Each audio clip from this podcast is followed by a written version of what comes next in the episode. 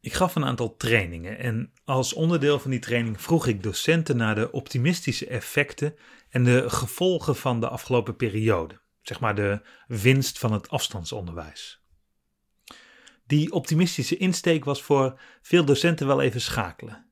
En wat ik grappig vond was dat docenten uit het Westen uh, veelvuldig het niet meer in de file staan als positief effect noemden. Dat is natuurlijk ook positief, maar ik zocht naar iets anders, uh, iets met onderwijs. Die effecten waren er gelukkig ook.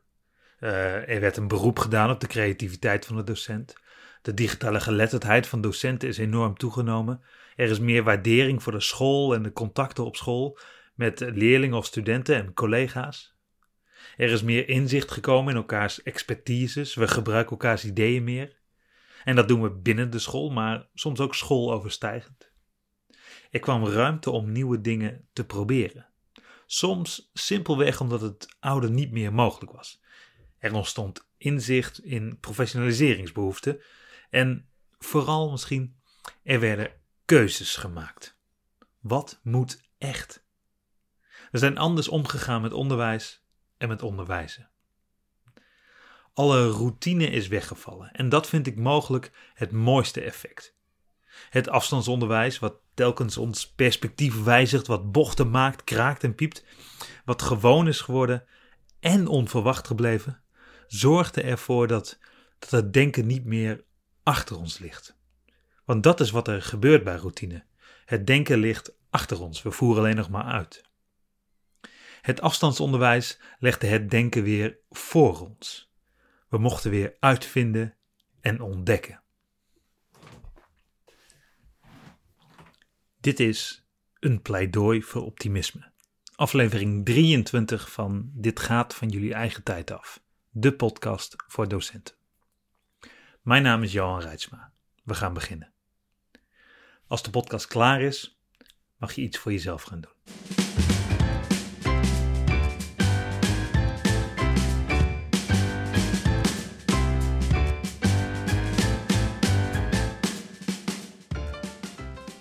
Een poosje geleden dook ik eens een middagje in schoolvisies.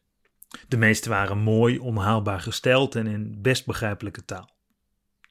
Een visie die ik vaak terug zag komen en die ik even op een kladpapiertje schreef om er nog wat langer over na te kunnen denken, was, en ik parafraseer een beetje, leerlingen en studenten helpen kritische wereldburgers te worden. Kritische wereldburgers, die woorden onderstreepte ik. Om een lang verhaal korter te maken, het kladpapiertje verdween in een berg andere papiertjes en aantekeningen. En ik vergat even die visie waar ik wat langer over na wilde denken.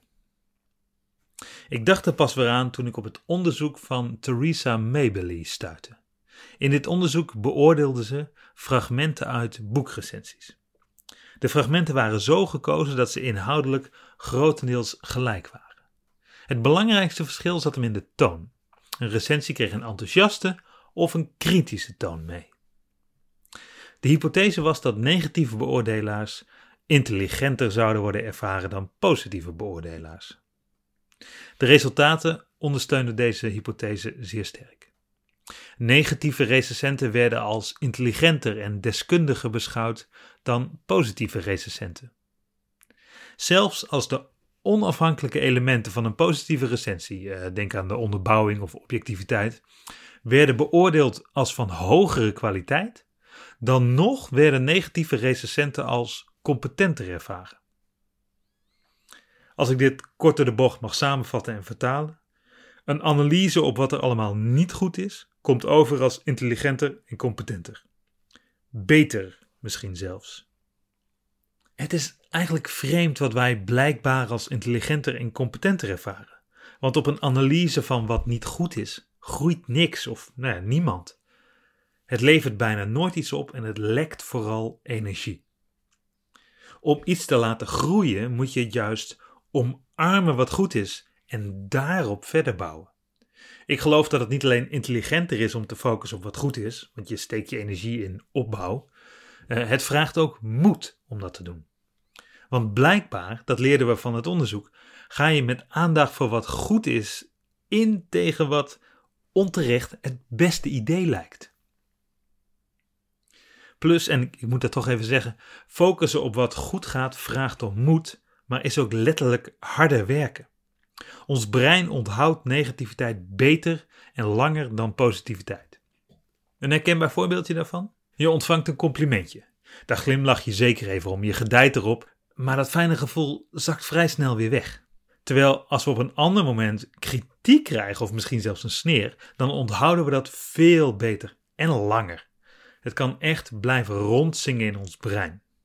Als we een optimistische kijk willen hebben op nou ja, de, de wereld, dan kan dat, maar dan moeten we ons brein trainen, zodat we de neiging van ons brein om te concentreren op het negatieve kunnen onderdrukken. In de show notes van deze podcast vind je een linkje naar een geweldige TED-talk over hoe ons brein van nature kan blijven hangen in negativiteit en vooral ook hoe we in staat zijn om dat te veranderen. Het is echt een aanrader. Om te focussen op wat goed gaat, daar moeten we dus echt ons best voor doen. En daar bieden deze ongelofelijke tijden prachtige kansen voor. Niemand maakte ooit zoiets mee. Docenten niet, maar leerlingen en studenten ook zeker niet. Wat we zouden kunnen doen is afbranden wat er in de afgelopen periode niet goed of fijn was. En heel specifiek kunnen duiden wat er allemaal mis was en nog altijd is misschien. En waarschijnlijk zouden we applaus krijgen voor de intelligente analyse en bijval en erkenning. Maar wat leren wij en vooral leerlingen en studenten daar precies van? We kunnen ook iets anders meegeven. En dat is een beeld van de veerkracht van mensen. Waar we samen toe in staat zijn en en door welke goede ideeën we door deze periode aan het komen zijn. Een bekend onderwijskundig principe is dat als je iets wil verankeren, je op het bord moet zetten of moet vertellen wat juist is. Niet wat fout of onjuist is. Als je fout op het bord schrijft, heb je namelijk de kans dat leerlingen en studenten juist dat onthouden. Op dit moment tellen veel docenten af. Of misschien doen ze dat al best een poos. Tot de vakantie waarschijnlijk. En dat begrijp ik zeker. Die vakantie is een, reddingsboei voor de docenten bij wie het water aan de lippen staat.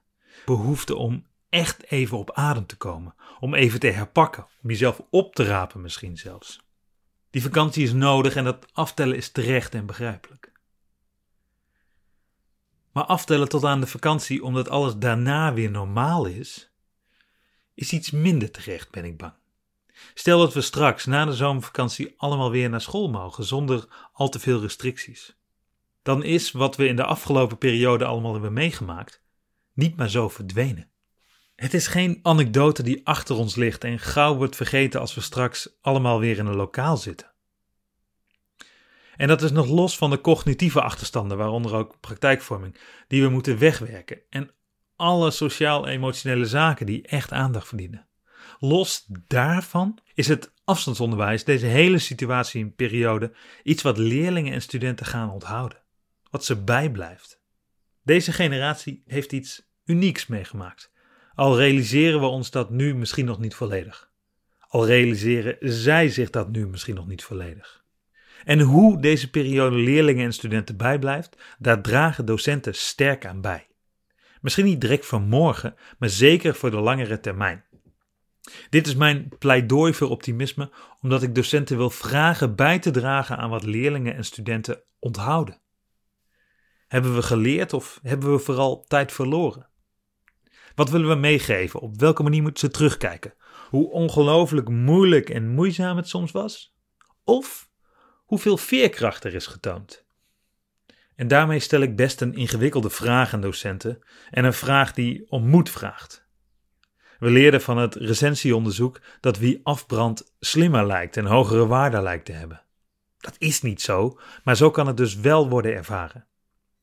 Wie optimistisch is, zou maar zo vrij makkelijk te imponeren zijn, of misschien zelfs naïef. Onzin. Als we leerlingen en studenten willen afleveren als kritische wereldburgers, dan moeten we ze leren te zien waarop ze kunnen bouwen en voortborduren. Docenten dragen sterk bij aan hoe deze periode bijblijft. En als ik die woorden uitspreek, hoor ik in mijn achterhoofd gonzen dat er al zoveel op het bordje van de docent ligt. Hoort dit er dan ook nog? Docenten lopen al op een tandvlees en gaan we ze dan nog meer belasten? Misschien moet het juist vanwege dat tandvlees op het bordje van de docent, maar daarover straks meer. Maar ja, het moet op het bordje van de docent. Vanwege de invloed die de docent heeft. Maar niet alleen op het bordje van de docent, ook op die van ouders. Al zullen zij vanuit de thuissituatie misschien moeite hebben om een, een breder perspectief te schetsen. En trouwens ook zeker op het bordje van de politiek. De politiek moet deze pandemie gebruiken om ons samen te brengen en niet als een wig om verdeeldheid te zaaien. Want dat kent natuurlijk geen enkele winnaar. Overigens denk ik niet alleen dat docenten een positieve invloed hebben op leerlingen en studenten. Dat denken docenten zelf ook. Op Twitter zag ik een polletje voorbij komen. De vraag: hoe vaak heb je het gevoel dat je met je werk een positieve invloed hebt op het leven van een jongere? 37% van de respondocenten, en dat woord wil ik uh, bij deze claimen voor ieder onderzoek onder docenten, zegt eens per week een positieve invloed te hebben op het leven van een jongere. En maar liefst 42% zegt dat dagelijks te hebben. Dat zijn serieuze percentages. Op Twitter schreef Suzanne, die de uitkomsten van het polletje deelde, Noem een ander beroep waarin je wekelijks, laat staan dagelijks, een positieve invloed hebt op het leven van een ander. Ik kon niet echt een beroep bedenken. Een docent kan meer dan wie ook jonge mensen, wiens wereldbeeld nog aan het vormen is, inspireren. En om Yates nog maar eens aan te halen, onderwijs gaat niet om het vullen van een emmer, maar het gaat om het ontsteken, of het aansteken moet ik zeggen, van het vuur. Inspireren. En inspiratie is altijd optimistisch. En de vraag is dan natuurlijk wel, hoe ziet dat eruit? Die dagelijkse of wekelijkse invloed op het leven van een jongere is niet iets wat docenten plannen. Vandaag om tien over drie ga ik ze echt raken. Het zit meestal verweven in je verhaal, in de voorbeelden die worden gegeven, in een paar tellen persoonlijke aandacht. En precies op deze manier moet ook de optimistische boodschap een plekje krijgen in je verhaal en in je voorbeelden. Om het wat dik aan te zetten, je moet het een beetje ademen. En dat kan alleen als je er zelf ook in gelooft. Dit is geen materie die je met een paar kekke werkvormen meegeeft. Jij moet deze manier van kijken omarmen en verweven. En over jou gesproken, er is nog een andere reden om als docent een optimistische boodschap te verkondigen. Om het zelf vol te houden. Je kan immers behoorlijk opbranden van afbranden. En met de aandacht op wat goed is gegaan, zeg ik geen zins dat we onze ogen moeten sluiten voor wat er niet goed is gegaan. Alles wat ik noemde als optimistisch effect van het afstandsonderwijs zou je kunnen omdraaien en negatief in kunnen steken. Dat kan, maar ik denk eigenlijk dat dat vrij onverstandig is. Want het levert je niets op, behalve een lege batterij. Wat dat betreft is de parallel met de cirkel van invloed en betrokkenheid van Stephen Covey gauw getrokken. Ik zal hem even snel schetsen. Stel je een cirkel voor met daarbinnenin nog een cirkel, een kleinere. De buitenste cirkel noemen we de cirkel van betrokkenheid. En in deze cirkel staan alle zaken waar je bij betrokken bent, maar waar je geen of zeer beperkte invloed op hebt. Een pandemie, het feit dat we niet het onderwijs kunnen bieden dat we in de meeste gevallen gewend waren of waar we voor opgeleid zijn. En de binnenste cirkel noemen we de cirkel van invloed. In deze cirkel staan alle zaken waar je wel invloed op hebt. Je hebt dus geen invloed op het feit dat je niet in een klaslokaal uh, met een groep leerlingen of studenten voor je neus les kan geven. Je hebt wel invloed op hoe je zo goed mogelijk onderwijs kan bieden met de mogelijkheden en middelen die er voorhanden zijn. En Kofi zegt: wanneer je richt op waar je betrokken bij bent, maar geen invloed op hebt, dus op de buitenste cirkel, uh, dan word je reactief en bereik je niets, behalve dan die lege batterij en lusteloosheid. Wanneer je richt op waar je invloed op hebt, kan je daadwerkelijk dingen gaan bereiken en realiseren. Je bent proactief, je invloed groeit en dat geeft je energie. En die twee cirkels zijn dynamisch. De cirkel die je aandacht geeft, groeit. En dat betekent niet dat we moeten negeren wat er in die buitenste cirkel zit. In het afgelopen eh, jaar hebben we voor heel veel eh, lastige en vervelende vraagstukken gestaan. En dat staan we misschien nog steeds. Daar hoeven we de ogen heus niet voor te sluiten. Maar mijn punt is dat ons antwoord op die vraagstukken optimistisch moet zijn. Als je dan knokt, als er iets zit in die buitenste cirkel waar je dan toch wat mee wil, knok dan alsjeblieft ergens voor en niet tegen. En om te voorkomen dat jullie me nu met, uh, met z'n allen naïef vinden met mijn optimistische boodschap. Ik zie een duidelijk verschil tussen positiviteit en optimisme. Positiviteit is, in de definitie die ik graag gebruik, onszelf en anderen vertellen dat alles goed is. Misschien sluit je daar, uh, daarmee zelfs je ogen wel een beetje voor de realiteit. En optimisme accepteert de realiteit en kijkt uit naar een betere toekomst om die metafoor van het halfvolle of half lege glas daar maar eens tegenaan te gooien. De optimist weet dat het glas maar half vol is, maar hij besluit zich te focussen op de gevulde helft. Het vraagt moed om te focussen op wat de afgelopen periode ons heeft gebracht, wat we ervan leerden. Het vraagt moed omdat het moeilijk is en hard werken. Maar ook omdat als je het niet doet, er eigenlijk niet zo heel veel gebeurt. Er gebeurt ogenschijnlijk geen ramp als je besluit dit allemaal te negeren en je morgen simpelweg te focussen op wat op je programma staat. Maar er gebeurt wel iets als je het wel doet. En niet iets wat je morgen ziet, maar dit is echt een moment om een zaadje te planten. Om leerlingen te helpen om een ander perspectief te zien. Om ze te helpen kritische wereldburgers te worden, die ergens voor durven knokken. En over perspectief gesproken, het gevaar is dat we misschien het idee hebben dat we echt iets moeten vinden van COVID, van het virus bedoel ik. Maar dat hoeft geloof ik niet. Je bent geen viroloog en die materie is vreselijk ingewikkeld. Het is al moeilijk te begrijpen zonder alle onzin die erover wordt verspreid. Ik geloof niet dat we hoeven te duiden of we die hele pandemie goed hebben aangepakt. Of we, en ik noem maar iets, echt op afstand les hadden moeten geven. Want als we eerlijk zijn, dan hebben we daar natuurlijk niet echt een idee van. Maar we hebben het gedaan. Dus laten we uitgaan van het idee: waar je heen gaat, daar ben je. En dan vanaf daar verder. En overigens hoef je ook niet alle antwoorden te hebben. Dat klinkt logisch, maar voor veel docenten voelt het toch kwetsbaar om te moeten zeggen dat ze iets niet weten. Of dat ze advies moeten vragen aan een collega. Veel docenten hebben toch een beetje het gevoel uh, alleen hun eigen tokootje te moeten runnen. En nu ik dit zeg, moet ik denken aan een prenter, dat prachtige boekje. Uh, de jongen, de mol, de vos en het paard, misschien ken je het. Wat is het moedigste wat je ooit hebt gezegd? vroeg de jongen. Help, antwoordde het paard.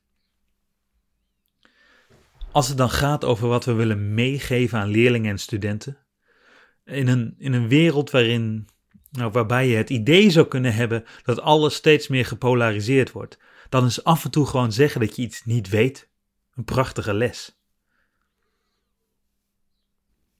Als je een klip-en-klaar argument zoekt voor het belang van een optimistische focus, dan kom je gauw uit bij het zogenaamde grootste probleem wat het afstandsonderwijs met zich mee heeft gebracht: achterstanden. Het gaat zo, zo, zoveel over achterstanden.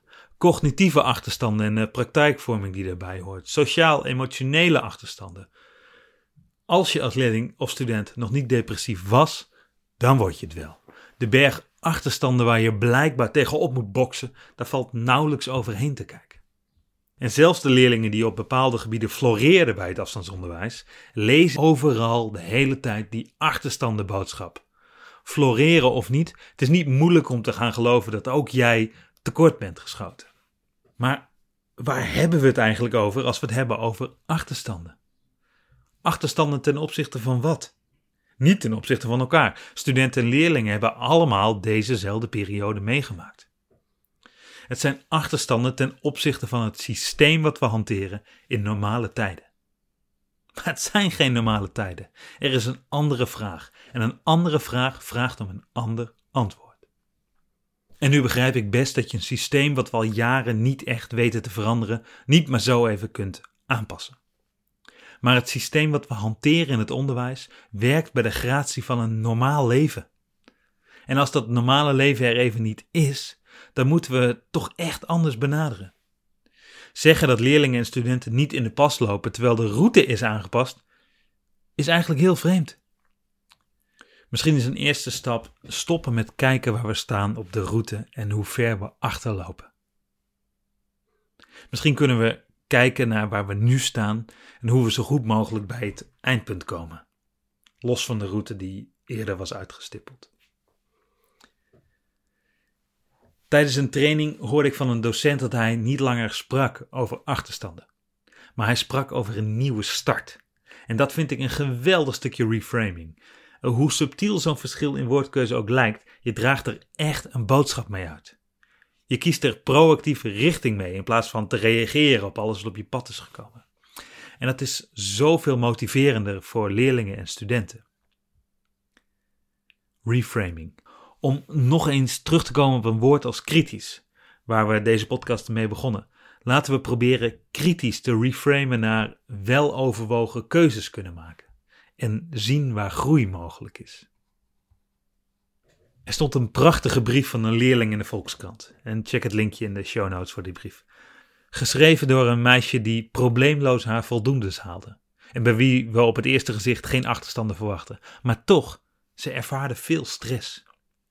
Ze reframede prachtig voor welke uitdagingen ze zich nu gesteld voelde. Ze schreef: Ik heb geen leerachterstand, maar een leefachterstand. Laten we samen vooral kijken en focussen op waar leerlingen en studenten nu de meeste behoefte aan hebben om te groeien. Zo richting het einde van deze podcast wil ik toch nog een klein zijwegje inslaan. Ik betoogde om terug te kijken naar de afgelopen periode. Te bepalen wat het ons direct of indirect opleverde. Dat te omarmen en daarop voor te borduren. Maar er is nog een voedingsbodem voor optimisme. En de afgelopen periode heeft ons zoveel gebracht, hele mooie dingen, maar het heeft ons ook echt geconfronteerd met onze grenzen en onmogelijkheden. Deze podcast gaat ook vooral om leren en groeien, denk ik. En hoewel ik denk dat het voortborduren op succes uiteindelijk duurzamer is dan het wegnemen van problemen of pijn. Een van mijn favoriete tegelwijsheden is niet voor niets knok ergens voor en niet tegen denk ik dat het niet erg is om ook terug te gaan naar waar je de meeste pijn voelde. Maar zorg dat je deze pijn kan inzetten om van te leren. Om niet weer op eenzelfde manier in een dergelijke situatie te komen. Posttraumatische groei. What doesn't kill you makes you stronger, zeggen ze. En hoewel dat best waar kan zijn, gaat dat nooit vanzelf.